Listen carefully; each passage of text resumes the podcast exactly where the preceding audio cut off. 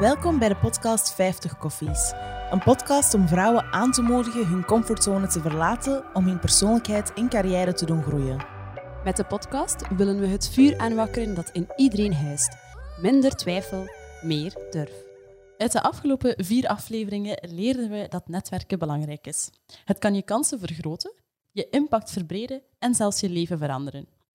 Volgens Jamina Crossa gaat het over de krachten bundelen om je te laten ondersteunen en ook anderen te ondersteunen. Een mooie definitie volgens ons. Maar hoe doe je dat nu concreet, dat netwerken? En hoe laat je jouw stem horen in grote groepen? Om deze vragen te beantwoorden ontvangen we vandaag twee topdames. Allereerst hebben we Stephanie van Moon. Zij is sprekercoach en is net zoals mij Insights Practitioner.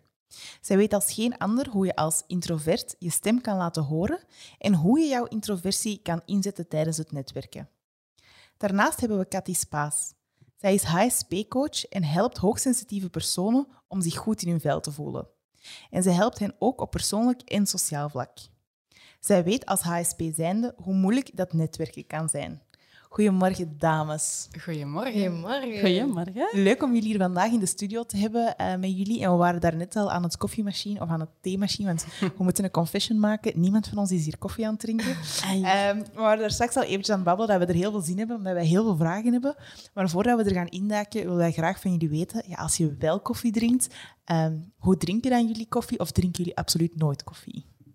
Um, voor mij persoonlijk, ik drink wel koffie, maar ik ben zo het type dat koffie drinkt met heel veel melk. Als ik het dan al eens doe, dan is het echt omdat ik hou van die geur. En dan drink ik een latte met enorm veel melkschuim. Okay. Maar meestal is het wel thee. Meestal is het thee, oké, okay, goed. En Cathy, jij? Ja, gewoon water eigenlijk. Ik ben helemaal geen koffiemens. Ik vind de geur niet leuk. Ik vind de smaak niet leuk. Koffiegeur. Dat kan niet. Ah, het beste s ochtends. Oh, en zelfs geen koffie-ijs. Allee. Ai. Ja, Ah, daar verschiet ik nu echt van. Die koffiegeur. Ja, ja, Mina Cross houdt er zoveel van dat die, die drinkt geen koffie, maar die, uh, die snuift aan, omdat die gewoon van de geur... Ja. Hey, die riekt eraan, die snuift aan niet Ja. binnen, denk ik, maar ze riekt eraan om uh, puur die geur te hebben. Maar het blijkt ook wel hetzelfde effect te hebben op je hersenen. Hè? Als je daaraan ruikt of drinkt, die cafeïne heeft blijkbaar hetzelfde effect op de hersenen. Oh, wauw. Dus als je geen koffie drinkt, maar je hebt wel zo de kick nodig van koffie, kun je gewoon eens goed snuiven aan een pot koffie. Voilà, Het zotte dingen We blijven hebben maken. voor alles een oplossing met 50 koffies. Misschien heel even terug iets hernemen. Ehm, we kregen een heel interessant eh, ja, weetje eigenlijk van Stefanie daarnet, dat we toch graag ook op de podcast willen nemen. Cathy kwam hier eh, zitten aan onze micro en zei oei, ik hoor mezelf ehm, op een heel andere manier. Dat is zo vreemd om jezelf te horen. En dan zei Stefanie, jij zei iets heel boeiends. Ah, oké, wel. Eh, ik zal dat eens hernemen dan. ik, merk, ik merk dat in de praktijk ook als ik zeg tegen de mensen van kijk, we gaan eens oefenen met je stem, we gaan je stem eens opnemen. En meestal krijg ik dan de reactie van oh nee, echt luisteren naar mijn eigen stem, ik vind dat zo raar. En dat komt eigenlijk, als ik nu tegen jou bijvoorbeeld praat, Jana, ehm, jij hoort mijn stem als geluidskolven, die komen terecht op jouw trommelvlies en jij hoort dat. Nu, ik hoor mezelf ook. Ik hoor die geluidsgolven die uit mijn mond komen, maar ik hoor evengoed wat er binnenin mijn hoofd gebeurt. En dat heet beengeleiding. En dan ga je eigenlijk de lagere tonen vooral ehm, gaan capteren en horen. Dus je hoort jezelf meestal iets warmer en voller. Als je dan een opname van jezelf hoort, of zoals dat wij nu aan het doen zijn, aan het spreken in een micro met zo een headset op, dan denk je van, oeh, dit is toch wel heel anders. Dus het is een kwestie van gewenning. Hoe vaker dat je dit doet, jullie doen dit heel vaak, ga je er ook wel een stuk aan wennen en dan ga je het best wel oké vinden op de deur. En dat is dus eigenlijk de reden waarom je jezelf dan veel scheller of hoger ervaart als je een opgenomen filmpje kijkt van jezelf. Ja, dat klopt. Dus laat dat zeker geen drempel zijn om filmpjes op te nemen of om jezelf eens te gaan herbeluisteren, want het is echt wel eh, ja, gewenning. Ja, en anderen horen nu altijd zo, hè, dus door niet te praten, allee, dat, dat gaat niet. Oké, ja, we vonden dat een keileuk weetje, dus we dachten we gaan er nog eens mee starten. Absoluut. Voor de, podcast, eh, voor de podcastgasten is dat wel eens boeiend om te horen. Dus we hebben hier al een- een kleine intro gemaakt ehm, over Stefanie, want jij bent sprekercoach. Maar leg misschien eens uit, wat doe jij effectief of wat houdt jouw job dan echt in? Ehm, als ik het echt in een kleine notendop prop, dan is het eh, ervoor zorgen dat mensen spreken zodat ze echt gehoord worden. Maar ik ga er wat meer zinnen aan, aan koppelen. Ehm, mijn doel als sprekerscoach is eigenlijk om mensen een podium te geven. Want ik merk dat heel vaak mensen boeiende ideeën hebben, echt krachtige inzichten, dat er mensen zijn met bakken potentieel. Maar dat het niet altijd die mensen zijn die de microfoon vastpakken of die het podium opstappen of die gehoord worden tijdens een of andere talentenjacht. En ik vind dat heel erg zonde. Dus je mist eigenlijk kansen als je niet gaat spreken voor publiek. Je mist kansen als je niet een keer op de podcast komt. Of je mist ook kansen als je zegt van, ah, zo van die filmpjes op Instagram, ik vind dat maar niks, hè, zo mezelf hoorbaar en zichtbaar maken. Je gaat minder, ja, minder. Ehm, je gaat minder groeien als persoon. Het is echt een groei op persoonlijk vlak als je dat wel doet. En het is eigenlijk ook wel een carrièreboost. Dus wil ik ervoor zorgen, het is wel mijn missie als sprekerscoach, om um, comfortzone vergroter te zijn voor de mensen, zodat zij gaan spreken met impact en verbinding met hun publiek. Oké, heel, heel duidelijk. Ja, hè? Maar Cathy, jij zit ook hier bij ons aan tafel. En jij bent een HSP-coach, hoogsensitieve persoon, uh, voor hoogsensitieve personen eigenlijk. Wat houdt dat bij jou effectief in? Wel, dat wil eigenlijk zeggen dat ik daarmee ben begonnen omdat ik er zelf een hele groeitocht in heb moeten doorlopen. Want uh, het is niet altijd van een leien dakje gegaan. Dus ik heb gemerkt dat ik bepaalde uitdagingen heb ervaren in mijn leven waar ik me soms best wel eenzaam in voelde. Dat, dat ik soms echt dacht van, wat is hier mis met mij? Andere mensen hebben hier precies geen last van. En op een gegeven moment had ik even mijn rock bottom bereikt uh, in een burn-out. En dan ben ik eigenlijk door mijn persoonlijk groeiproces kunnen gaan, mogen gaan. En dat is zo toch wel niet het begin, maar wel de ommekeer geweest uh, dat ik vooral in mijn eigen kracht ben kunnen blijven. Hè? Want je hebt altijd wel zo even dat je goed voelt en dan weer die dip, af en toe zo'n rollercoaster van emoties bijvoorbeeld. En het is toen dat ik eigenlijk mijn eigen veel beter ben gaan leren kennen en dat ik merkte van wat er allemaal nog achter de schermen gebeurde. En ik zag dat ik toch helemaal niet alleen was. En hoe meer ik daarin uh, in ben gedoken en opleidingen ben gaan volgen, onderzoeken ben gaan doen, heb ik gemerkt dat, we eigenlijk best wel met veel zijn. Hè? Bijna één op vijf, dat is, dat is gewoon eigenlijk een groot stuk van de bevolking, dat vaak ook niet eens zichzelf bewust is van het feit dat ze bijvoorbeeld hoogsensitief zijn. Dus daarom dat ik er ook veel over ben gaan spreken, veel lezingen heb gegeven veel video's over deel op social media en dergelijke. Om mensen eerst en vooral een inzicht te geven van wat kan er nu allemaal gebeuren en wanneer kun je jezelf hierin herkennen. Want we zien gewoon nog erg veel misdiagnoses in de praktijk. En uh, dat maakt het niet altijd gemakkelijk voor iemand om te weten van pas ik nu in dat plaatje of niet. En ik ben zelf niet van de labels. Ik vind dat ook niet belangrijk.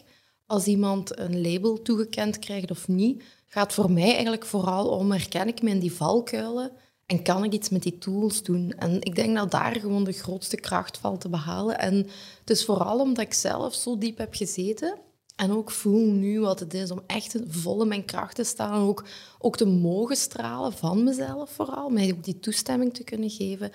Dat ik het zo bijzonder waardevol vind dat ik andere mensen daar ook mee mag helpen. En ik denk altijd dat ik de mooiste job van de wereld heb. Amai, uh, heel boeiend alle twee. Uh, ja, we vinden het zelf een beetje een boeiende insteek om te praten over netwerken. Uh, als het dan met een focus of een zoom is op introversie en hoogsensitieve personen, dat is toch iets anders. Um, wat is volgens jullie het verschil tussen beide? Want mijn interpretatie, um, voor hoe dat ik introversie bijvoorbeeld bekijk, zijn dan vaak mensen die sowieso al iets gevoeliger zijn aan externe prikkels. Dat is bij hoogsensitieve personen ook zo, of zie ik dat totaal verkeerd? Ik denk misschien, dat Stefanie? Ja. een link is. Hè? Um, een link. Ik merk toch voor mezelf, ik ben introvert. Ik denk niet dat ik hooggevoelig ben. Ik heb nog nooit een, een, test gedaan of zo. Maar ik merk wel, de mensen rondom mij die introvert zijn, dat er toch een heel stuk bij zijn die, die hooggevoelig zijn. Ik ken ook een aantal um, hooggevoelige kinderen. En heel vaak zijn zij ook wel een stukje introvert. Mhm. Dus er is misschien een soort overlapping. Maar uh, ja, ik ga daar toch eens even aan Cathy ook vragen. hoe, dat, hoe dat zij dat ziet. Wel, de wetenschap leert ons eigenlijk dat meer HSP introvert zijn dan niet-HSP. Dus we weten eigenlijk globaal gezien, de bevolking, laten we ons even gewoon breed nemen, weten we dat eigenlijk 30% van de bevolking introvert is en 70% extravert is. Mhm. Terwijl bij HSP is dat omgekeerd. 70% introvert, 30% extravert. Maar het is niet zo um, dat we dat per se moeten koppelen aan elkaar. Waarom? De gelijkenis zit namelijk bij het feit dat een HSP eerst altijd onbewust weliswaar, want we hebben een stukje in onze hersenen, en we noemen dat het stop-and-check systeem of het pauze-and-check systeem, mhm. wat altijd een soort van voorzichtig gaat aftoetsen, is alles oké, is dat hier veilig? En ik ben zelf nogal een wilde bras, altijd geweest. Hè? Dus ik herkende mij niet zo in dat heel erg teruggetrokken stuk. Maar ook weer wel, omdat dat voorzichtige in de eerste plaats er wel altijd achter de schermen zit. Dus inderdaad, wanneer we gaan netwerken, merk ik bijvoorbeeld dat mijn eerste neiging zou zijn om me op de achtergrond te houden. Niet omdat ik introvert ben, wel omdat mijn brein eerst even de tijd nodig heeft om de situatie in kaart te brengen en om even te zien, is dat hier oké, kan ik mijn plek hier innemen? En dan kunnen wij ook engageren. Maar dat is eigenlijk uh, waar soms de overlapping zit. Dus het is niet verlegen, het is niet introvert, het is wel dat hyperverwerkingssysteem dat eerst even voorzichtig is, ja. zal ik het zo zeggen. En inderdaad, dat meer HSP. Oké, super. Ik wil er misschien als oké is, Nadia, even ja, iets op ingaan. Um, er komt al iets heel interessants boven en uh, Stefanie gaat mij daar, uh, denk ik, kunnen in bijstaan. Um, voor de mensen die luisteren, um, zoals ik al zei, Stefanie en ik, wij zijn Insights Practitioner, beide. ik heb het soms... Uh, ik vind het soms moeilijk om constant te praten over introversie en extraversie, omdat het niet is... Jij bent niet of het een per se of het ander, Stefanie. Ja, dat klopt. Het is eigenlijk een spectrum waardoor dat je je beweegt, ook contextafhankelijk. Ik merk dat dat bij mij bijvoorbeeld heel contextafhankelijk is. Als ik met de groep van het middelbaar bijvoorbeeld uh, omga, dat is een heel, echt een heel bende. En die ken ik al van, van, van mijn twaalf jaar. En mhm. vroeger dacht ik ook dat, intro, dat ik niet introvert was. Ik, ik, was verlegen, volgens mij. Dus in die groep was ik heel verlegen. Um, en, en als ik met die mensen nu omga, dan, dan merk ik dat ik daar nog wel de stille ben. Maar zet mij bijvoorbeeld hier in een groep waar dat ik kan babbelen over iets wat ik super graag doe, dan ben ik wel degene die het woord neemt. Dus je schuift wel een stukje um, over ja, het spectrum. En plus, ja, je bent niet 100% introvert of extravert. Exact. Je hebt ook ambivert, extraverte, introvert. Enfin. Inderdaad, dat is een schaal, dat zeg ik altijd, van 0 tot 100, waarin je je eigenlijk een beetje begeeft, hè, waarin je je verschilt. Ik vind het belangrijk om mee te geven waarom ik vind dat we daar heel hard op gaan inzoomen vandaag ook, op die introversie. Um, ik vind het heel belangrijk om dat mee te geven dat mensen die zich um, die, die door anderen als extravert worden bestempeld, zeker introverte momenten kunnen hebben en vice versa. Ik vind Absoluut. dat belangrijk omdat ik vaak, je hebt het straks al gehad over stempels of over um, labels. dus ik vind dat ook een beetje lastig soms met, met, met die kennis. Ja, en ik wil dan misschien nog eventjes bij Cathy inzoomen op je zei van bij jou eigenlijk als hoogsensitieve persoon, in plaats van een introvert te zijn, duurt het eigenlijk gewoon ietsje langer? Of hebben jullie gewoon iets meer tijd nodig om jullie dan op jullie gemak te voelen in zo'n locatie waar je dan bijvoorbeeld moet netwerken? Bijvoorbeeld, ja. Dat, het, dat je merkt bijvoorbeeld als we het over kinderen hebben in die context, want dat is altijd wel uh, heel mooi duidelijk te kaderen. Een kind dat bijvoorbeeld op een speeltuin aankomt, zal eerder aan het been van mama blijven plakken. Niet omdat hij verlegen is, niet omdat hij per se bang is, maar wel omdat hij eerst dat stukje in zijn brein rust moet geven om te zien, alles is oké. En de ene keer dat hij zich op zijn gemak voelt, dan gaat hij zich ook vrij bewegen. Dan gaat hij ook even uitbundig kunnen spelen als die andere kinderen. Dus uh, dat vind ik er wel leuk aan. We hoeven niet geremd te zijn door deze eigenschap. Mhm. Ja. ja, ik vind het wel boeiend om zo dat verschil te zien. Want inderdaad, hoogsensitief wil niet zeggen dat je verlegen, bang of ehm, ja, of introvert bent. Maar dat is eigenlijk gewoon soms iets meer tijd nodig hebben om een situatie aan te voelen en daar dan op verder te reageren. Heel boeiend. Um, ja, we gaan ook ja, nog eventjes verder inzoomen op uh, hoogsensitiviteit, het onderwerp van vandaag ook. Um, want als je kijkt naar het aantal onderzoeken die daarnaar gebeurd zijn, blijkt dat er eigenlijk ongeveer maar 70 onderzoeken wereldwijd gebeurd zijn daardoor. Omdat wetenschappers um, misschien toch wel ja, daar niet helemaal fan van zijn. Of daar niet helemaal in geloven, maar onderzoek heeft duidelijk wel aangetoond dat de hersenen van hoogsensitieve personen wel op een andere manier werken. Hè? Ja, klopt volledig. Het is namelijk zo dat we in de praktijk zien dat zelfs uh, onder psychologen, psychiaters het nog af en toe nog altijd wordt afgedaan als een soort van, uh, laten we ons hocus pocus noemen. Maar uh, ja, dat is, dat is eigenlijk wel echt onzin. We hebben, we hebben inderdaad veel te weinig studies uh, die er al dieper op ingaan. Maar er zijn best wel wat experts die er toch wel uh, enorm mee bezig zijn om, om daar ook veranderingen te brengen. Zoals in België Elke van Hoven, Nederland Esther Bergsma, waar ik ook heel graag mee samenwerk. Toffe madame die de moeite is om te volgen trouwens. En um, ja, dan zien we gewoon dat het heel belangrijk is dat er meer kennis wordt verworven over de eigenschap. Dat mensen meer kunnen gaan zien wanneer herken ik mezelf hierin? Want ik hoor echt nog vaak dat zelfs de dag van vandaag volwassenen of kinderen eh, worden bestempeld, laten we ons even zo zeggen, als uh, zijnde iemand die autisme heeft, terwijl die eigenlijk effectief hoogsensitief is. En dat toch wel, we hebben veel overlappende eigenschappen, maar er zijn echt wel grote, belangrijke verschillen. En dat is toch wel, ja, ik vind dat wel voornaam om goed te weten van wat is wat, dat je ook zelf voor je eigen ook beseft, wat kan ik hier nu mee doen en waar liggen mijn groeipunten en waar liggen ook mijn sterktes. Mm Want hoogsensitiviteit is dan ook geen stoornis, maar eigenlijk allee, steken we dat wel in de categorie van een karaktereigenschap. Hè? Dus dat is ook wel een groot verschil. Hè? Met dan bijvoorbeeld autisme, waar het dan wel echt een, ja, uh, een stoornis is en waarvoor je echt een diagnose zult krijgen. Ja.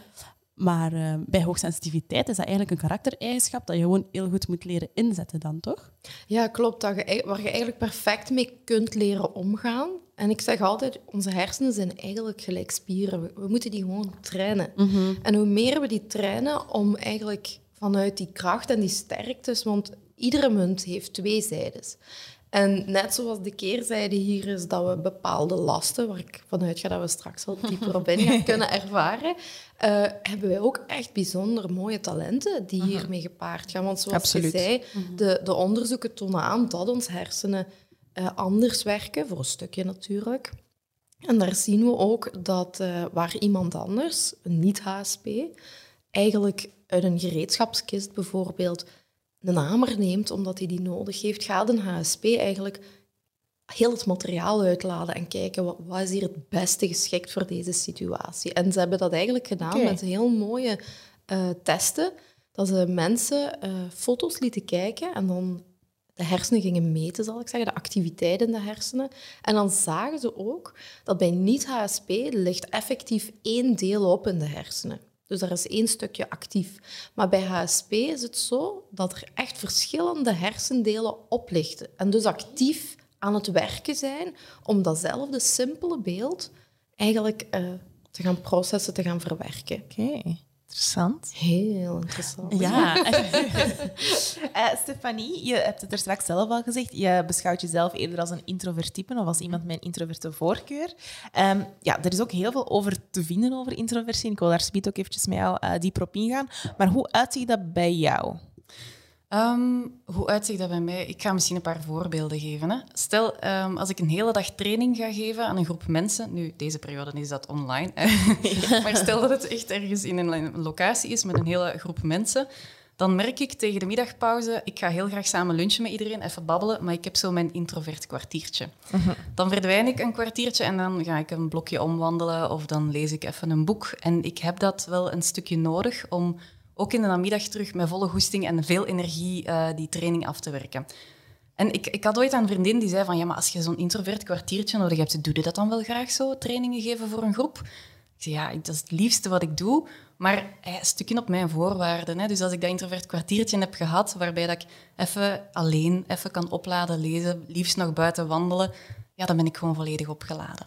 Okay. Um, een ander voorbeeld, um, waar dat ik toch link aan mijn introvert kantje, Bijvoorbeeld mijn mooiste vakantieherinnering, dat is ergens in een verlaten baai in Panama.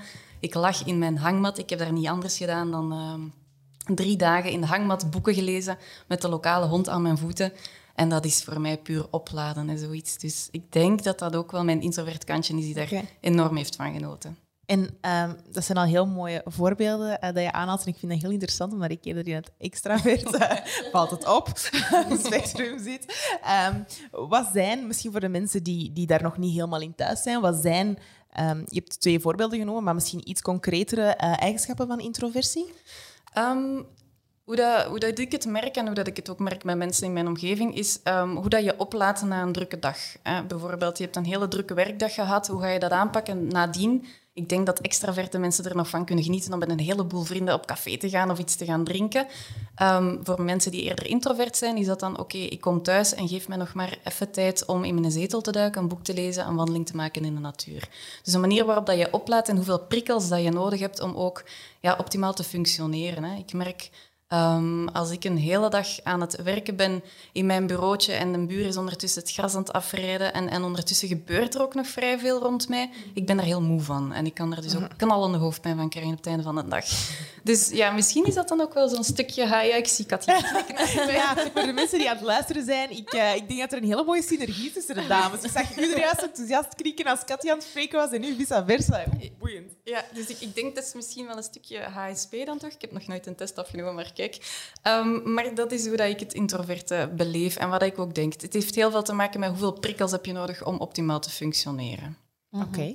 En ik wil misschien de vraag aan Cathy stellen, want bij jou hebben we het er nog niet over gehad of dat je eerder introvert of extravert of ergens daartussen ligt. Of misschien weet je het ook niet. Kan. Ja, ik vond het wel boeiend hoe Jana juist zei van je schippert tussen de twee. Want ik heb altijd gedacht dat ik heel extravert was, tot ik besefte dat ik eigenlijk ook heel introvert kan zijn. Ja. En ehm, ja, wat ik hier juist wil vertellen, vind ik inderdaad heel erg interessant. Want dat is ook hoe een HSP gaat opladen. Dat is ook hoe een HSP heel erg kan genieten.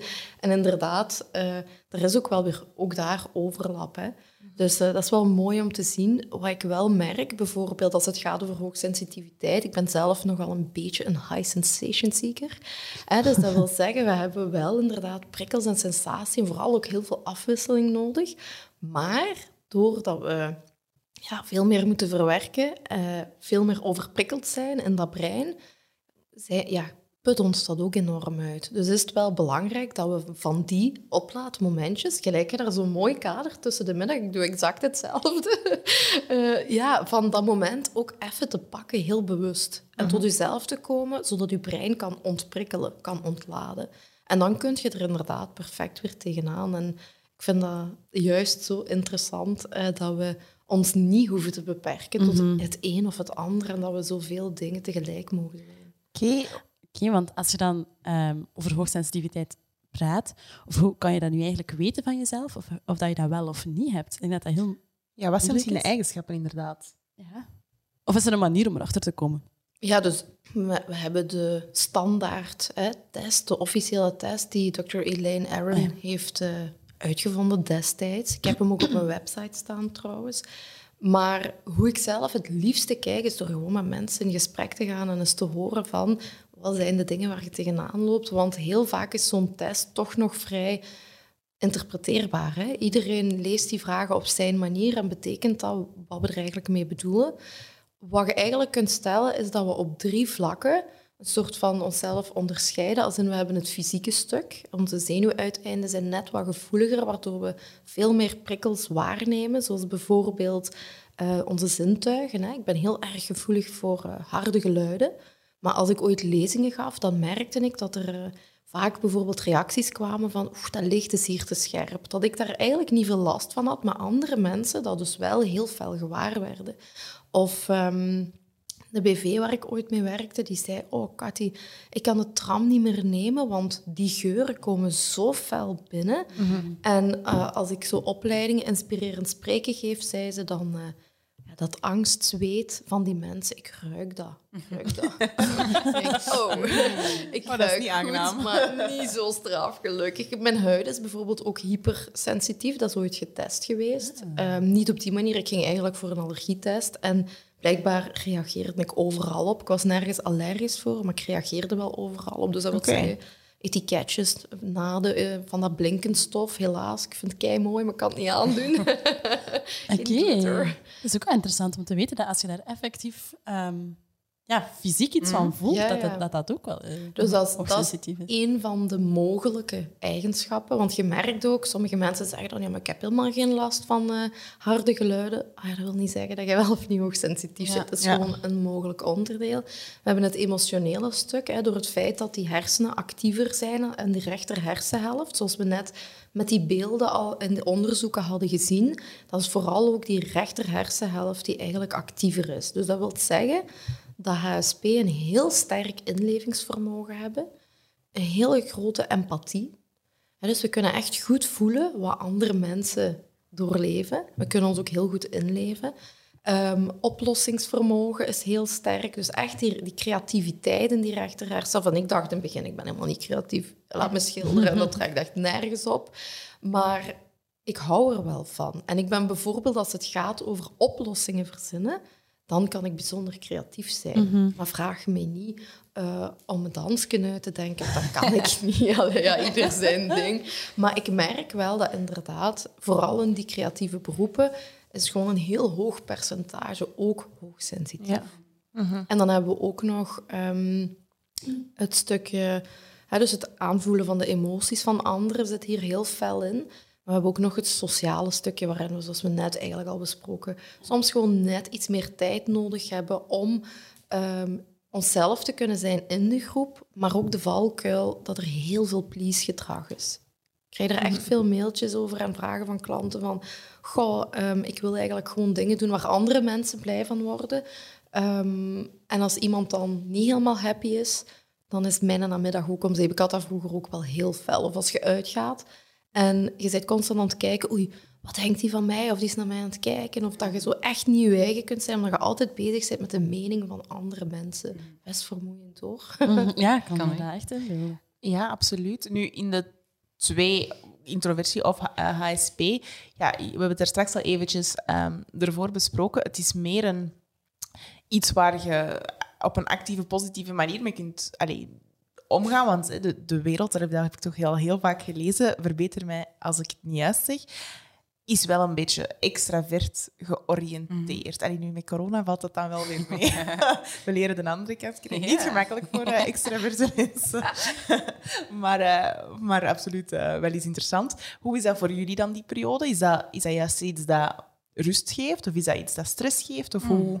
de, de lockdown, wil je zeggen? Ja. Goh, ik heb dat op twee manieren beleefd eigenlijk. In, helemaal in het begin van de lockdown, ik zag je natuurlijk de ene na de andere opdracht verdwijnen. En dat was even een stressje, ja, uiteraard. ondernemersstress dan. Ja, die ondernemersstress. En ik merkte dat mijn eerste reactie was, ik ga kijken wat iedereen rond mij doet. En ik ga eens, een stukje wat Cathy daarnet ook zei, van ik ga vooral eens aftoetsen. Hoe voelt de rest zich? Oei, iedereen is gestrest. Ik moet waarschijnlijk ook een stuk gestrest zijn. En effectief, dan neem je die vibe over. En dan ben ik vanuit een kramp een paar dingen gaan doen, maar die flow zat er zo niet in. En ik merkte dat ik daar echt niet gelukkig van werd om vanuit moeten en kramp dingen te gaan creëren.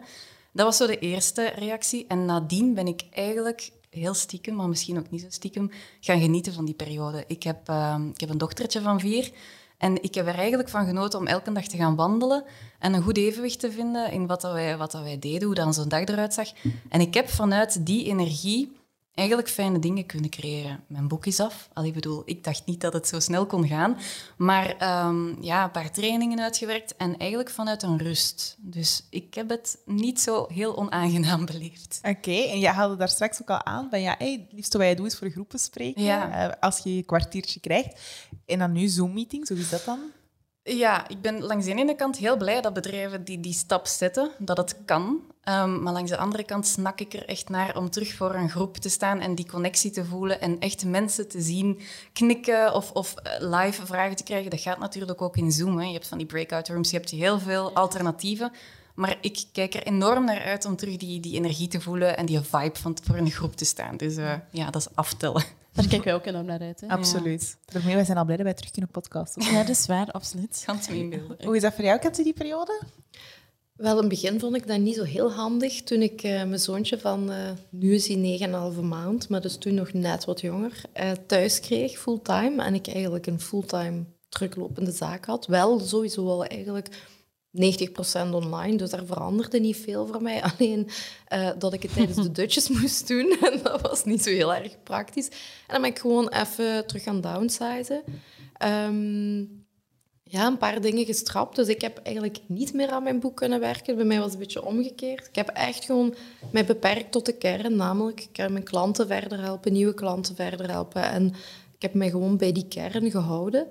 En voor de rest moet ik heel erg zeggen dat het hele gevoel er rond mhm. prima was. Ik, heb daar weinig, ik leef altijd op mijn eigen eiland, dus uh, dat is eigenlijk niet zo'n probleem. Hoe heb jij dat beleefd, Jana?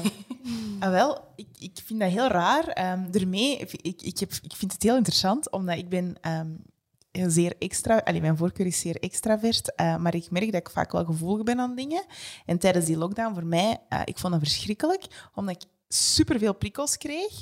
Ik werd altijd online. Mensen wouden constant met je zoomen. Je moest altijd je camera opzetten. Je kreeg constant meldingen, want mensen wouden hoe dan ook in contact blijven met elkaar. Je kreeg dan ook nog prikkels van een tv die elke dag met een update kwam over wat en hoe. Ik was enorm overprikkeld. En eigenlijk is dat raar voor een extravert persoon.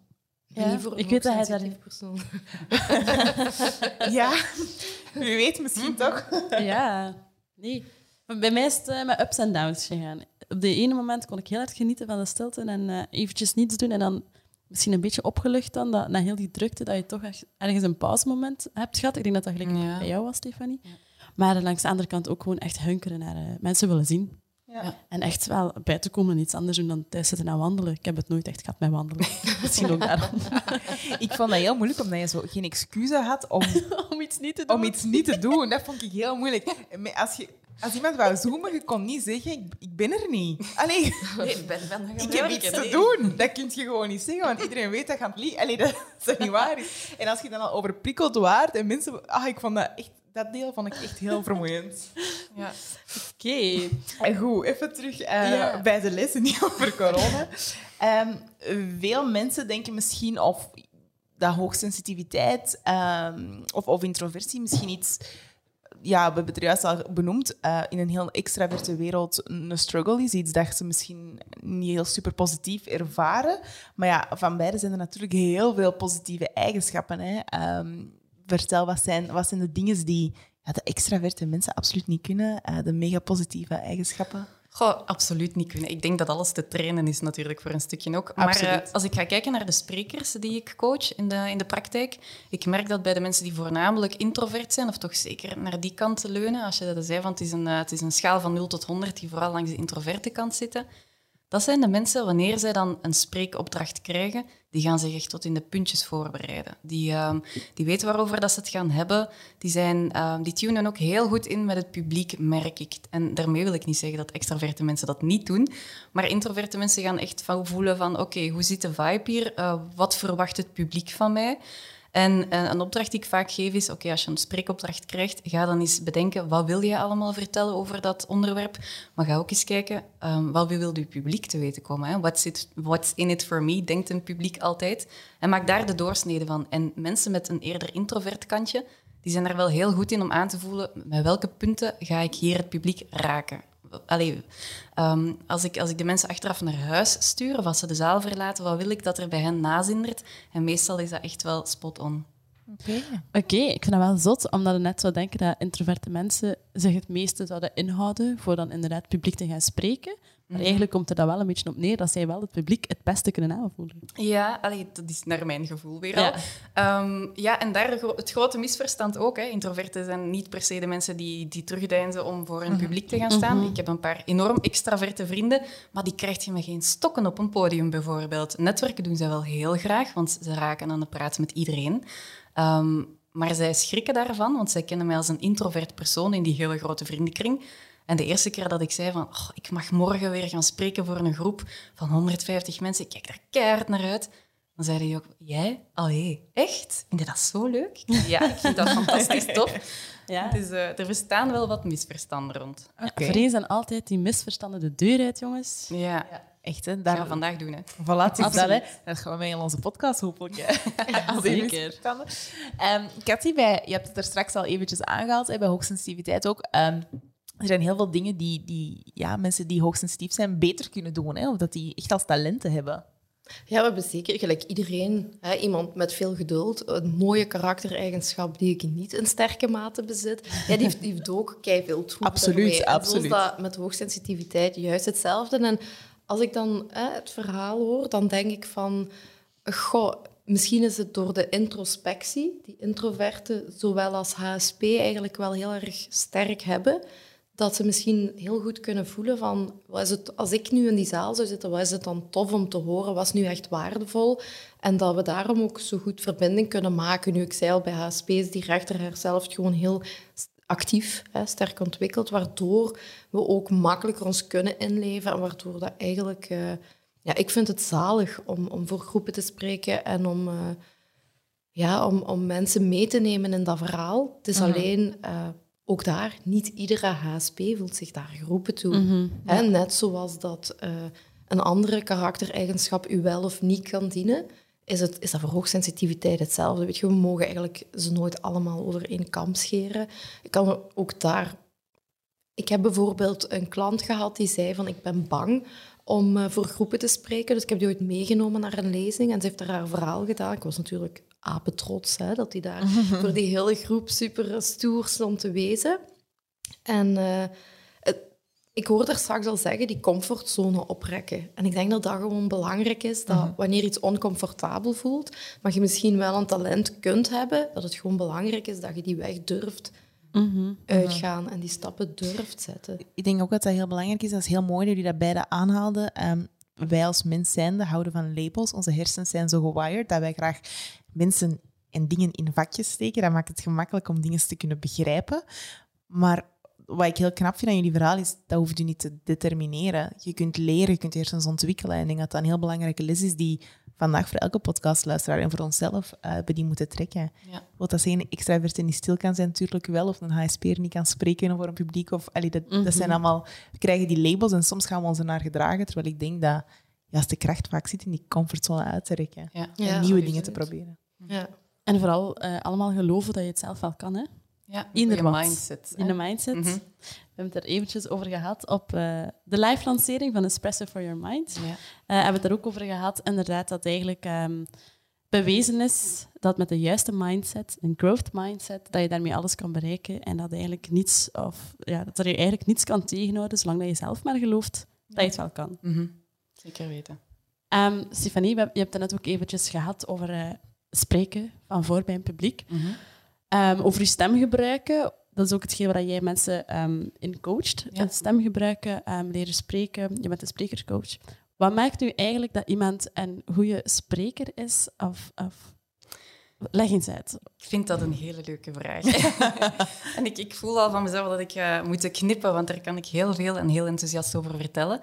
Ehm, een heel belangrijke insteek is, weet je, spreken met impact is een heel mooi doel, maar zonder verbinding is er geen impact. Ja. Dus je moet eerst connectie creëren. En het zijn eigenlijk de mensen die echt vanuit een, een passie en een goesting voor een publiek staan, dat vind ik hele goede sprekers. En ehm, Caroline Goider eh, heeft een boek geschreven, Gravitas heet dat, en zij zij beschrijft daar, kijk, iemand die met gravitas spreekt, en dat is uit twee voetjes op de grond, vol vertrouwen, en dan nog eens met een bepaalde goesting gestaan voor dat publiek, dat bestaat uit verschillende elementen. En dat is knowledge, purpose en passion.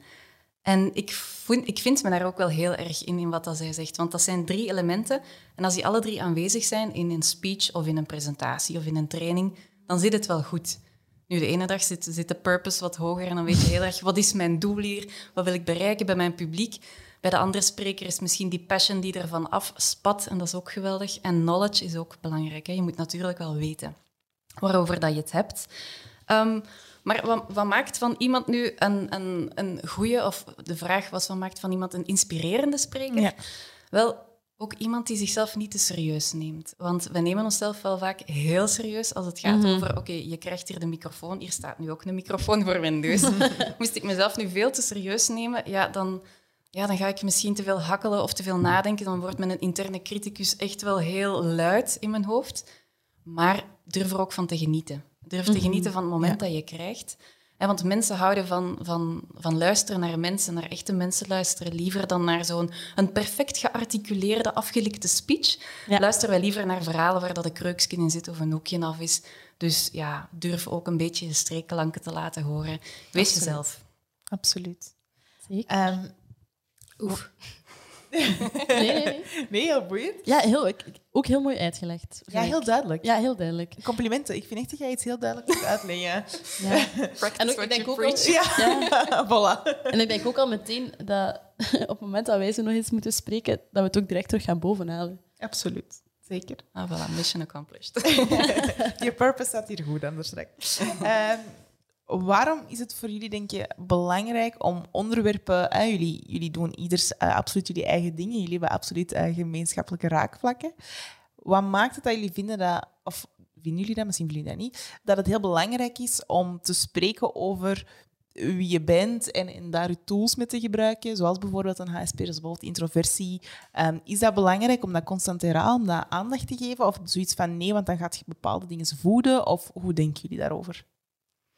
Ja, ik denk vooral dat het belangrijk is dat je altijd vanuit je eigen verhaal vertrekt. Ik doe dat heel fel. Uh, in het begin had ik letterlijk nachtmerries dat ik naakt uh, mij moest verstoppen, omdat ik mij zo aan het blootgeven was op social media bijvoorbeeld, met die video's, met echt ja, mijn eigen verhaal te delen. Maar het is juist wanneer je dat doet en jezelf kwetsbaar durft opstellen, dat mensen zichzelf ook gaan kunnen herkennen in je verhaal. En ik zie dat zelf ook het liefste, die authenticiteit. En als HSP vinden we dat echt super belangrijk. Dus als ik dat zelf niet leef en niet demonstreer, hoe kan ik dan verwachten dat andere mensen gaan resoneren met wie ik ben en met wat ik te vertellen heb? Dus het is, voor mij is dat heel belangrijk, zeker naar mijn publiek toe, dat ik mij echt openstel en ook echt blootgeef en helemaal laat zien wie ik ben. Want die diepgang is voor HSP ook, ook echt uh, heel belangrijk. Dus meer vanuit een eigen verhaal dan vanuit een HSP als algemene noemer verhaal. Gezondheid, ja, absoluut. Ja, denk ik wel. Sorry jongens. Absoluut, okay. ja, absoluut. Dus ik, ik herken, ik, ik, moest er, ik moest even gniffelen toen je zei van ik had zelfs nachtmerries. Ik herken dat, want um, een tijdje geleden werd ik geïnterviewd voor een magazine en uh, degene die mij interviewde zei ook van, ah ja, en van waaruit vertrek je dan als sprekerscoach? En ik zei van, ja, eigenlijk heb ik in het middelbaar een paar keer gedaan alsof ik flauw viel om maar niet voor de klas te moeten spreken. En nu is het mijn job om mensen wel een podium te geven. en ik had dat daar tussen de regels door gezegd, ja, als, als zijnoot. En ze had dat genomen als grote tussentitel. En toen dacht ik, mag ik dat eigenlijk wel zeggen? Ik bedoel, ik ben sprekerscoach en nu weten de mensen dat ik vroeger echt wel zo een, een bang wezeltje was achteraan in de klas om maar niet die boekbespreking te doen. En dat heeft er wel voor gezorgd dat heel veel mensen mij hebben aangesproken. Zeiden van, kijk, ik herken dat nu als volwassene nog. En aangezien dat jij dat hebt meegemaakt en nu heel graag op podia staat en sprekers helpt, ja, ik denk dat ik u nodig heb. En ik heb toen ook, heel grappig, zo'n droom gehad dat ik ergens mij moest verstoppen in een kleedkamer en dat ik mijn kleren niet vond. En ik denk nu dat ik die link gewoon kan leggen, want ik stond ook heel erg in mijn blootje. Ja, bellen bloot en nu, hè? Ja, ja, dus ik ben oh blij dat ik dat hier hoor. Kijk, ze opnieuw uh, iets waarover dat staat opengesteld, waarvan dat jij direct in kunt thuisvinden. Ja, hè? Nog maar eens het bewijs daarvan. Nee, dat is... Um ik vind het heel, heel boeiend en ik kan heel, zelf heel veel linken leggen. Ik ben zo zelf alles in het processen en het... Ja, uh, ja. heel herkenbaar. Allee, veel dingen eh, herken ik. Terwijl ik niet van mezelf denk dat ik misschien hoogsensitief ben en ook niet introvert, maar toch dingen en ik denk, oh, ik doe dat ook, ik heb dat ook. Zo iemand die altijd getwijfeld heeft of ik super hoogsensitief ben. Ik denk dat wij wat dezelfde zijn op dat gebied. Wij houden van veel prikkels en als we dan veel prikkels hebben, oh nee, we hebben te veel prikkels. Constant die zoektocht tussen de twee. Ja, en over die prikkels, um, gesproken eigenlijk, we leven in een hele snelle wereld waarvan er heel veel van ons verwacht wordt. En waarbij dat we ook wel zien dat mensen daar minder en minder goed mee om kunnen. Um, het is zo normaal dat iedereen zoveel prikkels, prikkels krijgt, dat je bijna niet meer weet wat het is om geen prikkels te krijgen. En dat je je eigen ook wel moet verplichten. Zoals dat jij dan zegt, ik ga een kwartiertje weg mm in die lunchpauze. Je moet eigenlijk die rust voor je eigen beetje verplicht um, creëren. We zien dat ook aan een aantal burn-outs, depressies, bore-outs bij de mensen. Um, hoe komt het, denk ik, volgens jullie, dat dat zo'n stijgende trend is? En daaraan sluitend eigenlijk, waarom laten wij dat zo hard toe? Ik zal beginnen bij jou, Cathy. We laten dat heel erg toe, hè? Die, ja, prikkels. Dus, en... Het is een nieuwe maatschappij een beetje. Hè? Het mhm. moet allemaal snel gaan. We willen heel veel doen op korte tijd. Je moet ook niet vergeten dat mensen zich veel bewuster zijn geworden. En uh, bewustzijn brengt ook voor- en nadelen met zich mee. Het feit dat je je bewust bent dat het leven kort is, dat het snel gaat, dat je veel meer kennis en informatie kunt opdoen, maakt ook dat je er ook iets mee wilt doen en daar ook naar wilt leven. Maar dat legt vaak heel veel druk op ons. In, ieder geval, we leggen heel veel druk op onszelf. En HSP zijn van nature sneller overprikkeld. Maar vandaag de dag is iedereen overprikkeld. Laten we mhm. eerlijk blijven. Hè. Ehm, en dat heeft inderdaad te maken met de snelheid van het leven en met uh, het feit dat als je terug gaat kijken naar de middeleeuwen, toen hadden mensen het nieuws één keer in de maand, dat iemand kwam die eindelijk bij u in de buurt kwam om te vertellen wat er in de vorige dorpen was gebeurd. Wij moeten nu op dit moment zoveel nieuws op één dag verwerken. Dat kregen mensen vroeger nog niet op een jaar, nog niet op tien jaar mhm. binnen om te verwerken. Maar ons brein is niet mee geëvolueerd. En dat is een beetje de uitdaging waar we vandaag de dag in zitten. En daarom is het heel belangrijk dat we daar op een andere manier terug mee omgaan. Heel veel HSP bijvoorbeeld, waar ik kei blij met de lockdown. Waarom? Eindelijk niet meer verplicht om dit en dit en dat te moeten doen. Eindelijk mocht ik gewoon thuis blijven, denken die dan. En dat vind ik eigenlijk jammer, dat je jezelf die toestemming gewoon niet meer mocht geven vandaag de dag, om gewoon te zeggen, jongens, ik, eh, ik ga thuis chillen, ik ga genieten, ik ga mijn hangmat leggen. En, en ik denk dat die, ik ehm, doe zo iedere dinsdag, tappere dinsdag, dan hebben we het over een speciaal onderwerp, dan ga ik live op Facebook en ik had het er pas uh, eergisteren over, dolce far niente, hè, de kunst van het niks doen.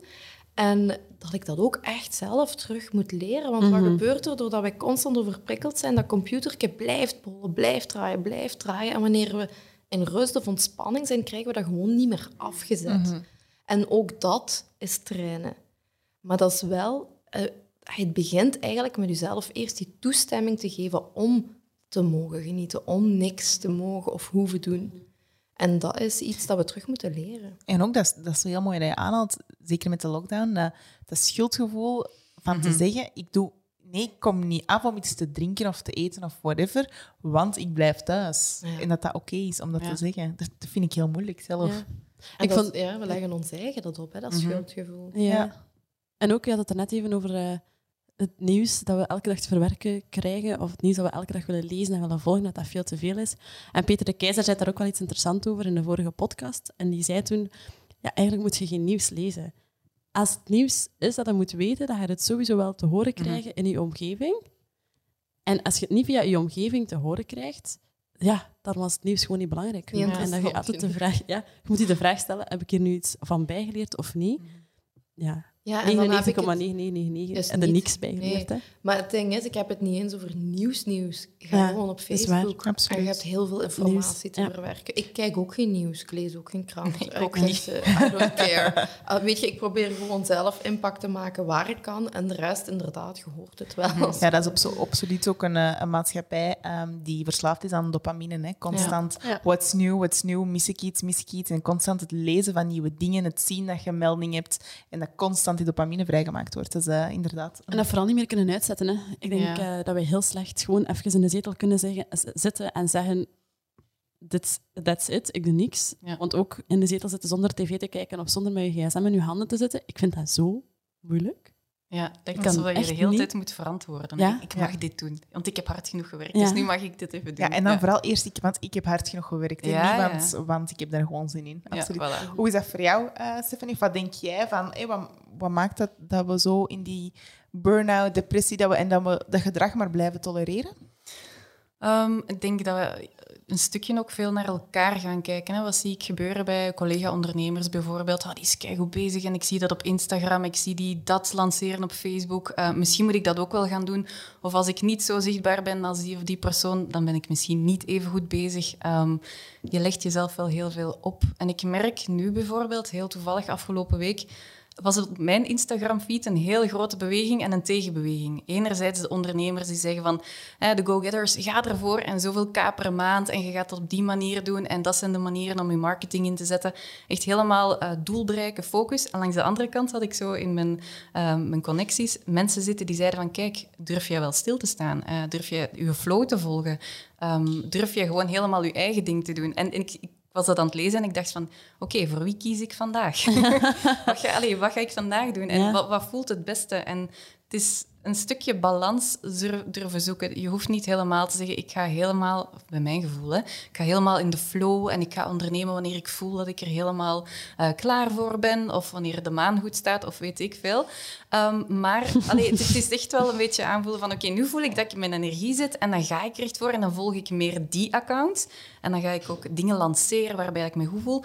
Maar evengoed op een ander moment durf ik eens zeggen van, en vandaag ga ik een dag lezen en schrijven. Dus ja, het, is, het is een stukje durven naar binnen keren. Hè? Ja, en ik denk ook, ja, inderdaad, ik denk dat durven daar wel een keyword voor is. Mhm. Durven je gsm uit te zetten, durven, durven. nee te zeggen, durven mhm. te zeggen, vandaag is het even boeken weg of laptop weg of whatever, ja. inderdaad. Um, even terug over netwerken, want dat is uh, uiteraard het thema van onze podcast. Ik ben heel benieuwd naar jullie inzichten of, of tips van, ja, als HSP'er of als introverte, Hoe pakken ze dat nu aan, hè, dat netwerken? Want het is toch wel een extra verte gebeurtenis vaak. Ja. Misschien ook even beginnen. Wat vinden jullie het moeilijkste aan netwerken? Ja. Stefanie? Een, een goed netwerkevent vinden, heel vaak. Want ik, ik, vroeger dacht, dacht ik dat netwerken bestond uit ehm, mannen boven de 50 in maatpak. en daar voelde ik me niet zo in thuis. En dan ben ik beginnen ontdekken dat er eigenlijk gigantisch veel netwerkevents op ieders maat zijn. Hè? Dus het, het juiste event vinden is voor mij stap één. En soms wel een beetje moeilijk. Absoluut. Ja, dat je de, de juiste doelgroep Ja, voor je hebt zitten. inderdaad. Inderdaad. Ik denk dat ik dat ook de grootste uitdaging vind. Van waar zit je nu echt op je plaats? En waar kun je meerwaarde zijn, hè? in plaats van te luisteren heel de avond, maar je wilt natuurlijk ook iets bijdragen. Hè? Absoluut. Oké, en als je dan op zo'n evenement bent, op een netwerkevenement, waarbij dat dan niet de juiste doelgroep is, of waarvan je voelt, oei, ik zit hier echt op een verkeerd netwerkevent, wat is dan de grootste uitdaging voor jullie? Opnieuw, Stefanie, ik zal bij jou beginnen. Ehm, eigenlijk is dat een gesprek elegant eindigen. Want er is eigenlijk niet zo vervelend als, als twee mensen in een doodlopend gesprek die beide denken, ik vind dit maar niks, en niemand durft het initiatief te nemen om er een punt achter te zetten. Dus dan, is, ook zo. dan is dan de grote uitdaging om eh, op een hele elegante manier het gesprek te beëindigen, waarbij dat beide partijen zich toch wel goed voelen. Bij jou, Cathy? Ja, ehm, bij mij is dat misschien een beetje oneerbiedig, maar het geduld om ook elegant te blijven luisteren. Ja. Ja. Het vraagt echt veel energie eigenlijk. Als je erover nadenkt en je staat er met iemand te babbelen waar je echt niet mee wilt babbelen, dan denkt je ook, wat doe ik hier? Ja. Ik heb zoiets met tijd en dan denk ik, ik ben hier met een tijd aan het verdoen. Maar Heel ik, heb, ja, ik heb wel heel veel geleerd om oordelen te parkeren. En Ja. dat heeft mij wel heel veel rust gebracht, waardoor ik tijdens die events nu ook wel veel meer energie kan overhouden in plaats van doodmoe naar huis gaan. Dus dat scheelt wel al. Ja. Want netwerken is, hè, we halen hier net netwerkevents aan, dat is uiteraard één een tak of één optie.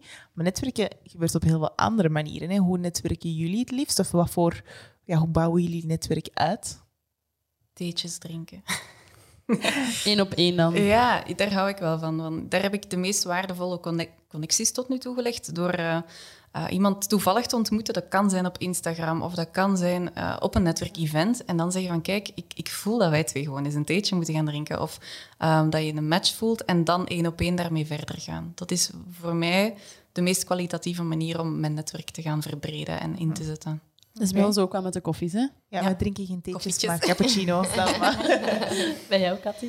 Goh, ehm, als het maar niet één op één is. Eh, Weet je, niet omdat ik dat niet interessant vind, want ik heb daar eigenlijk al heel toffe contacten uitgehaald. In het begin had ik, had ik dan net wat meer tijd en dan kun je dat ook wel doen. Maar ja, ene keer uw agenda weer super vol zit, dan heb je ook niet de kans om echt veel... En ik moet eerlijk zeggen, heb ik er ook niet de behoefte aan. Dat ligt misschien ook meer aan mij. Maar dan vul ik mijn agenda liever met de andere dingen. Ik heb liever dan groepen te bereiken dan eigenlijk spreken op netwerkevents, lezingen geven, eh, naar een netwerkevent gaan, vind ik fijner dan een één-op-één contact. Puur en alleen omdat ik ook moet kijken naar mijn tijdsinvestering. Mhm. Want ik, ik moet daar ook eerlijk in blijven. Gewoon, ik, mijn, de tijd is kostbaar voor iedereen. En ik, ik heb daar echt een selectie in gemaakt. Want zoveel mensen willen u spreken, willen iets vragen, willen iets weten. En ik probeer dat wel al zoveel mogelijk een soort van online te beantwoorden waar het gaat. Maar ja, je kunt niet met iedereen eh, constant afspreken. Ik vind dat heel moeilijk. En ik denk dat ik eigenlijk met nieuwe connecties ook op social media of op LinkedIn mensen ga contacteren, gelijk eh, wij ook contact hebben gehad. Gelijk dit is een fantastisch initiatief daarvoor. Ehm, maar inderdaad, als je de mogelijkheid hebt om voor die meer diepgang, is, is Stefanie haar, haar idee eigenlijk ja, de aangenaamste natuurlijk. Hè? Dus Ja. er zijn zoveel mogelijke paden die je kunt bewandelen en alles is oké, denk ik. Absoluut, dat denk ik, eh, dat denk ik zeker ook.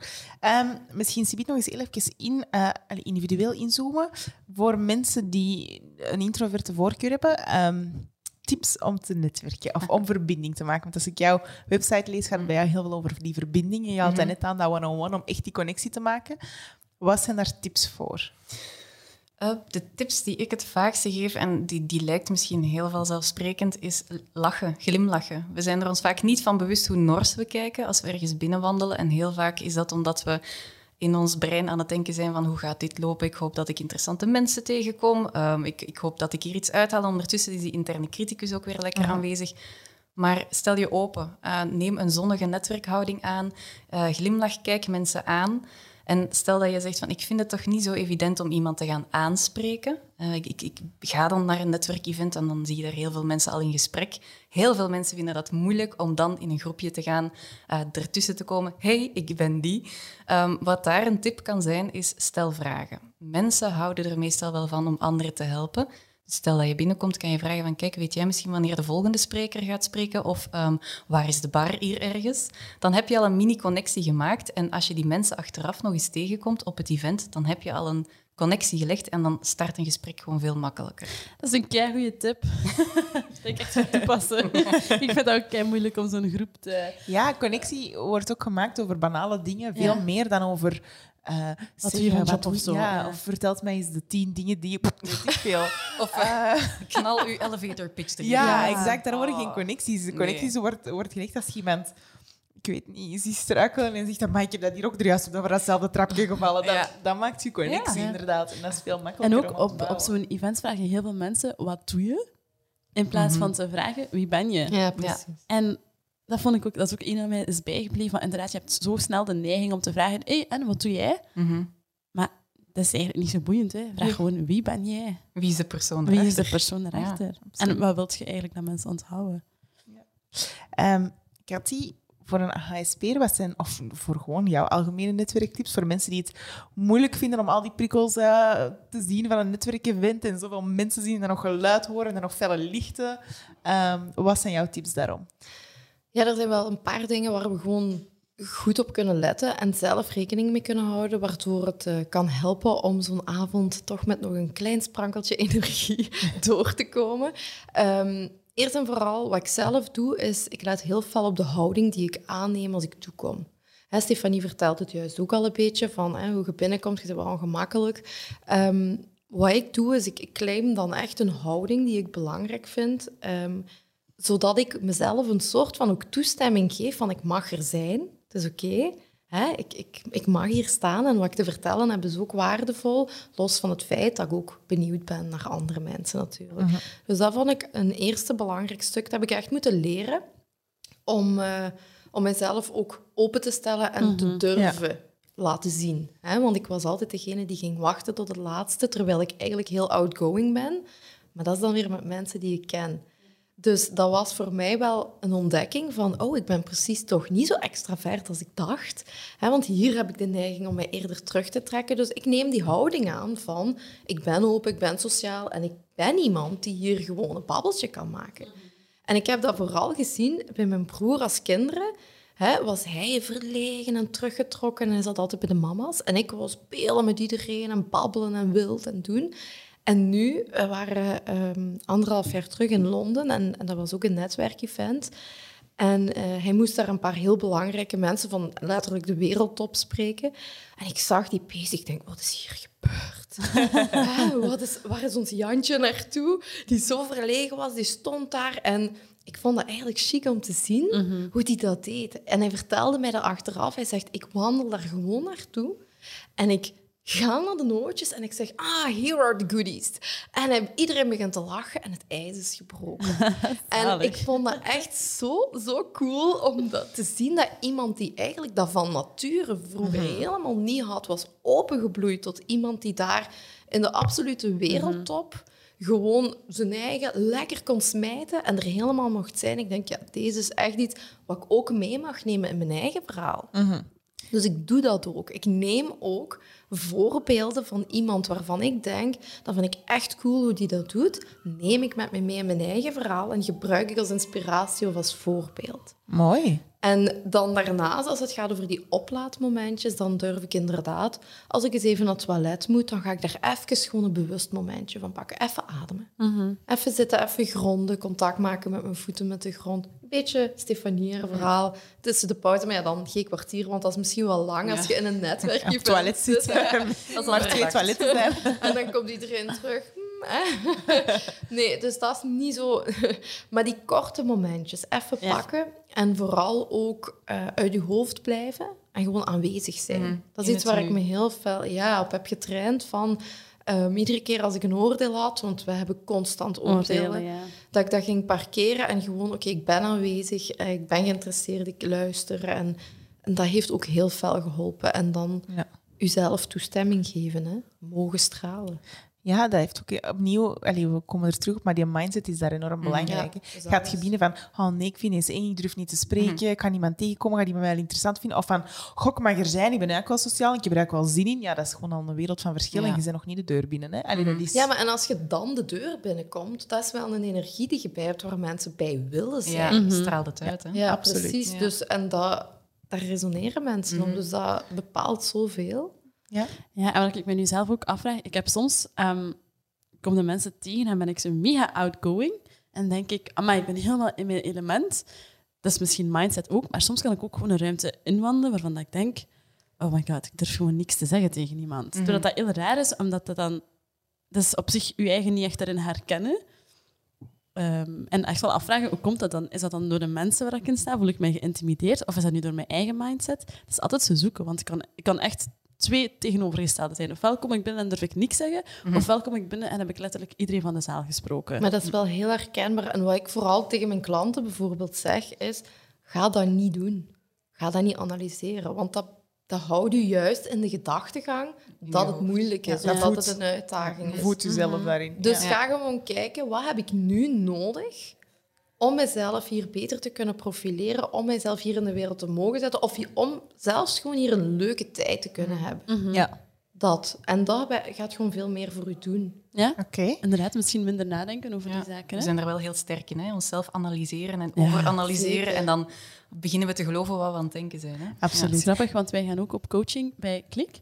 En ehm, daarbij zei ehm, Chantal Smets eigenlijk ook dat het daar opviel dat bij onze generatie, ehm, ik weet niet wel, welke dat dan precies is, eind 20, begin 30 denk ik, ehm, en dat daar heel erg opviel dat heel veel mensen heel veel ehm, aan het overdenken zijn Ja. en echt alles zodanig hard willen begrijpen en altijd zo maar verder en dieper graven, dat het soms ook oké is om dingen te laten gewoon zoals ze zijn.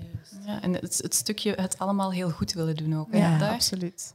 Want daar ben ik dan ook wel, als we dan hebben over analyseren, ben ik dan ook wel benieuwd naar. Ehm, ja, dat komt dan vanuit mijn eigen winkel een beetje. Eh, maar je, je gebruikt dan insights en je koppelt dat eigenlijk met spreken. Hè? Ja. Hoe werkt dat dan juist? Die, die connectie, wat is daar de connectie? Ehm, die connectie, het is ontstaan omdat ik Insights op zich heel interessant vond. En ik heb het in eerste instantie voor mezelf gedaan, om mezelf beter te leren kennen. Maar tijdens die training merkte ik al, hier ga ik echt iets mee doen als sprekerscoach. Ja.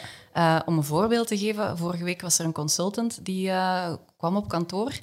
En hij, zijn vraag was van, kijk, ik verander van job en ik ga een andere positie innemen in het bedrijf. Ik ga meer gaan verkopen, maar ik weet niet of dat mij dat wel echt ligt, want ik ben altijd de linkenmaker geweest en mensen aan elkaar koppelen. Ik wil weten hoe dat, dat past in mijn profiel en hoe ik ga zijn als spreker. En daar kan ik echt insights volledig op loslaten. Hè. Wie ben je als persoon? Waar zitten nu sterktes? Ehm, waar zitten nu valkuilen een stukje? Hoe communiceer jij het liefste?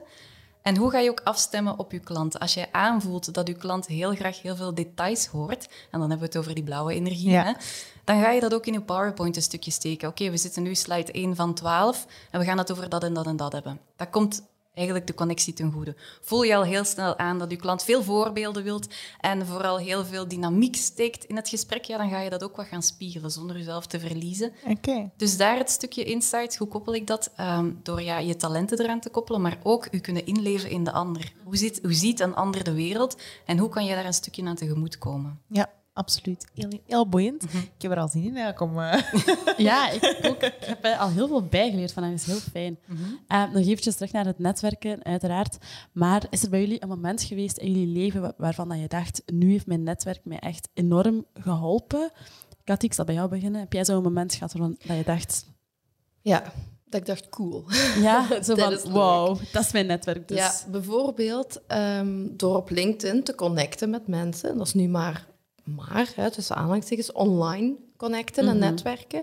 Maar door dan ook wel iets meer diepgang te zoeken in die contacten en ook, ook eh, te reageren en open te zijn en, en mee te kunnen doen, ehm, heb ik daar wel eerst en vooral al ehm, kans gekregen om te mogen spreken op een netwerkeventen, wat ik al heel tof vond, waar ik ook weer klanten uit heb gehaald. Maar ook de kans heb gekregen om ehm, een klein stukje mee te mogen schrijven aan uh, het netwerkboek. En Stijn van der Meulen heeft dat vertaald. Dat kwam uit het, uh, het Engels. En hij heeft dat vertaald en hij had me gevraagd van, kunt jij daar voor HSP een stukje van netwerken als HSP aan toevoegen met een soort van tips die de mensen kunnen meenemen als ze hoogsensitief zijn. En uh, ik vond dat eigenlijk een heel toffe kans die ik daar heb gekregen, gewoon door het feit dat ik in contact ben getreden mm -hmm. met die mensen. En ja. dat is eigenlijk wel uh, heel bijzonder gebleken. Hè? Ja. ja, mooi. Heel mooi. En jou, Stefanie? Een beetje hetzelfde verhaal, hè, door, door in contact te komen met mensen, online of offline, tegenwoordig veel meer online uiteraard. Mm -hmm verbreed je enerzijds je netwerk, maar je krijgt ook kansen. En door de juiste mensen soms tegen te komen, of eens door te vragen, of, of oprechte interesse te tonen, ja, het levert enerzijds klanten op, om het zo te zeggen, maar ook kansen. Um, zo mag ik nu, nu ben ik docent aan verschillende hogescholen, maar dat is ook door te netwerken. Doordat iemand zegt, ah, ik heb jou bezig gezien op een lezing, heb jij geen zin om bij ons te komen lesgeven over mm. dat onderwerp? Um, en ja, voor de rest gewoon heel fijne mensen tegenkomen. Echt kunnen connecteren met mensen waarbij dat je op dezelfde golflengte zit. Of mensen met een totaal andere visie, waardoor dat jij weer rijker wordt. Hè? Ja, mm -hmm. absoluut. Wat ik vooral ook leuk vind daaraan, is dat je doorheen de jaren dan zoveel mensen leert kennen en zoveel mensen mm -hmm. tegenkomt. En dat je dan somehow vallen zo twee jaar later alle puzzelstukken samen, waarvan je denkt, amai, dat is sowieso dat ik nu plots al die mensen echt kan inschakelen. Ja. Terwijl je die de afgelopen twee jaar gewoon hebt leren kennen en gewoon geconnecteerd hebt. Maar dat je op een gegeven moment zo al die puzzelstukken ziet samenkomen. Dat hebben wij vooral gehad. Mm -hmm. Bij 50 Koffies en al de connecties die dat we het afgelopen drie, vier jaar hebben opgebouwd, konden wij nu plots allemaal zo... Wow, onze puzzel valt samen en wij kunnen, al, die, al die mensen kunnen nu wel iets betekenen voor ons en wij voor hun. Ja. En dat vind ik echt dat is zalig om te zien. Mm, dat, dat zo op een lange periode...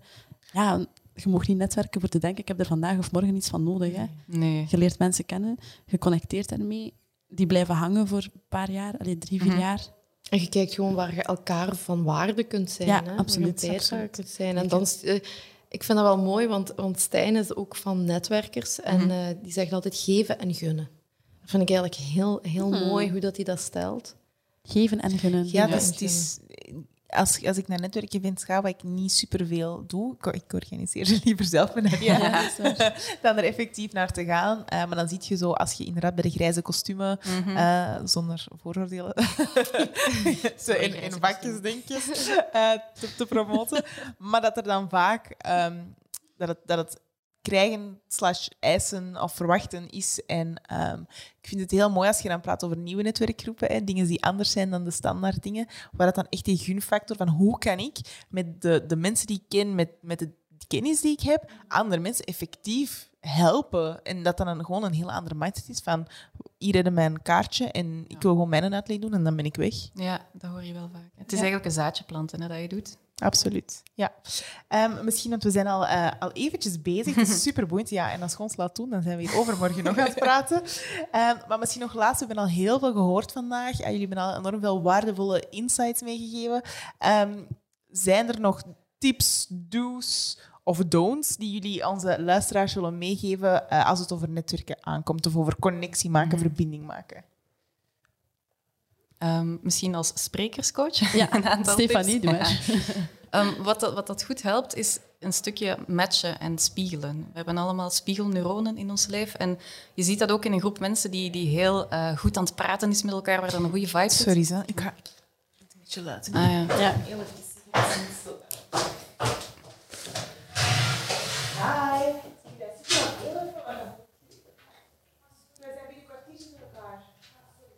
Dat gebeurt soms.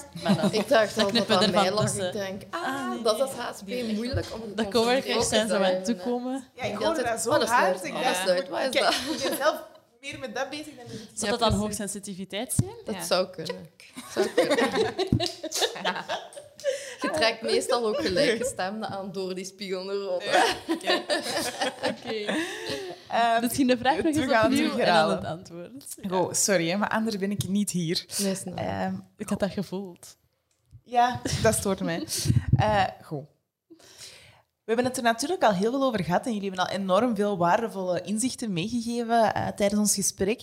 Maar misschien nog om, om op te rappen of alles op te sommen, hebben jullie nog tips, tricks, do's, don'ts voor onze luisteraars die willen connectie maken, die willen verbinden, die willen netwerken over hoe je dat nu juist doet. Nog extra dingen die jullie willen toevoegen. Stefanie?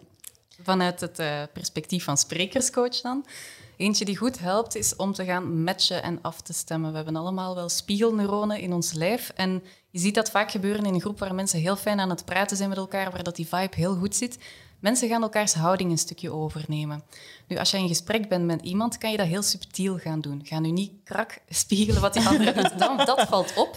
Maar je kan een beetje de houding overnemen. Je kan ook gaan spiegelen als het gaat over spreken, over stem voel je dat je met iemand gaat spreken die iets luider spreekt dan jij, kan je ook een beetje je luidheid erop gaan afstemmen. Ah. Anderzijds mensen die heel rustig zijn en eerder deze stem hebben als ze praten. En als jij daar dan zo tussen komt en op die manier dat is een hele andere manier en dan voel je dat die connectie een stukje verbreekt. Dus probeer je stemtimbre een stukje af te stemmen. Gebruik ook ongeveer dezelfde woorden. Als die ene persoon spreekt met een bepaald jargon, Um, volg daar dan een stukje in mee. Dan heb je al zo een, een, een, stuk herkenning en gelijkenis.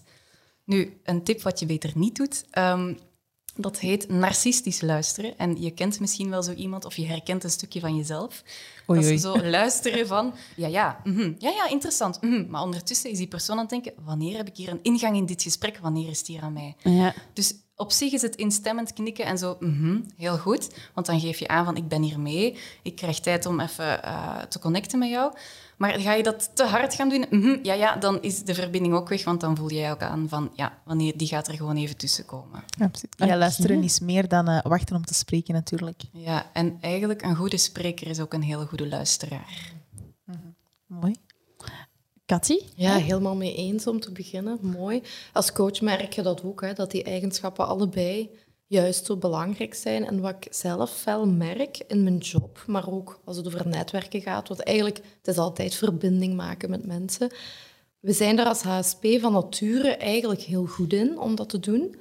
Maar dat heeft ook weer die keerzijde, de valkuil, namelijk dat we te veel met de ander bezig zijn. En nu zou je kunnen denken van, ah, dat is toch juist goed, hè? want dat wilt je net. Maar het probleem is dat heel veel HSP hun eigen verliezen daardoor. dus je bent zoveel met de ander bezig dat je connectie met je eigen verliest. Dus mijn ehm, advies zou zijn, blijf altijd eerst bij jezelf. En doe dat door die simpele dingen, zoals ik daar straks even zei, van ga even aarde, adem tussendoor, kom in je eigen lichaam.